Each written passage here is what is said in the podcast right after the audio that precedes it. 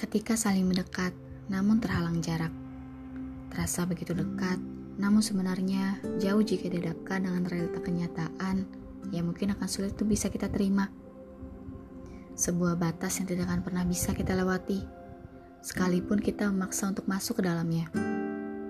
Bahkan mungkin sebenarnya kamu belum pernah sedikit pun melangkah untuk bisa melewatinya. Ini tentang sebuah rasa yang tidak akan pernah sampai kepada pemiliknya karena dia sudah harus berhenti bahkan sebelum bisa memulai kisah. Hati yang berbunga dan patah akan selalu berdampingan satu sama lain.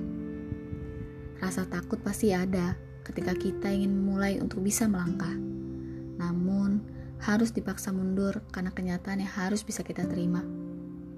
Kita berbeda, namun searah. Salahkah hati ini jika ingin melindungi perasaan kita sendiri? Terkadang kita akan dipertemukan dengan banyak hal yang mungkin tanpa kita sadari, hal itu bisa jadi salah satu alasan mengapa kita harus bertahan ataupun melepaskan. Semua memori yang ada mungkin sudah terekam dalam ingatan, yang bahkan terasa sulit untuk bisa dilupakan. Kita dekat, namun berjarak. Semesta pun kini tahu bahwa kamu adalah sebuah kemungkinan yang selalu kusemogakan. Perlukah kita berdiri di tengah?